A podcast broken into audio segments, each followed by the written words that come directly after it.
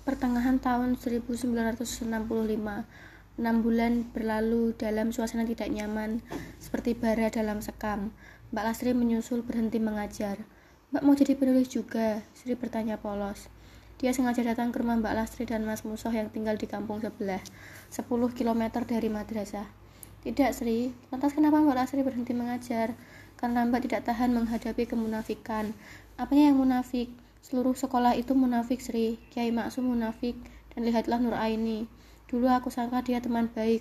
Sekarang dia selalu tersenyum-senyum meremehkan jika melihatku. Dia senang sekali melihat Mas Musuh tersingkir dari madrasah. Aduh, Sri tidak paham, Mbak. Sri menggeleng. Aku berani bersumpah tidak pernah melihat Nur Aini. Senyum-senyum meremehkan melihat Mbak Lastri. Dia justru sedih. Dan soal Mas Musoh, bukankah dia sendiri yang minta berhenti? Apa salah Mas Arifin? Berhenti banyak tanya, Sri. Tapi mbak, aku sudah tidak mau bicara lagi denganmu. Jangan pura-pura polos. Aku tahu kamu juga tertawa di belakang menyaksikan nasib Mas Muso. Mbak Lastri berdiri menunjuk pintu menyuruh Sri pergi.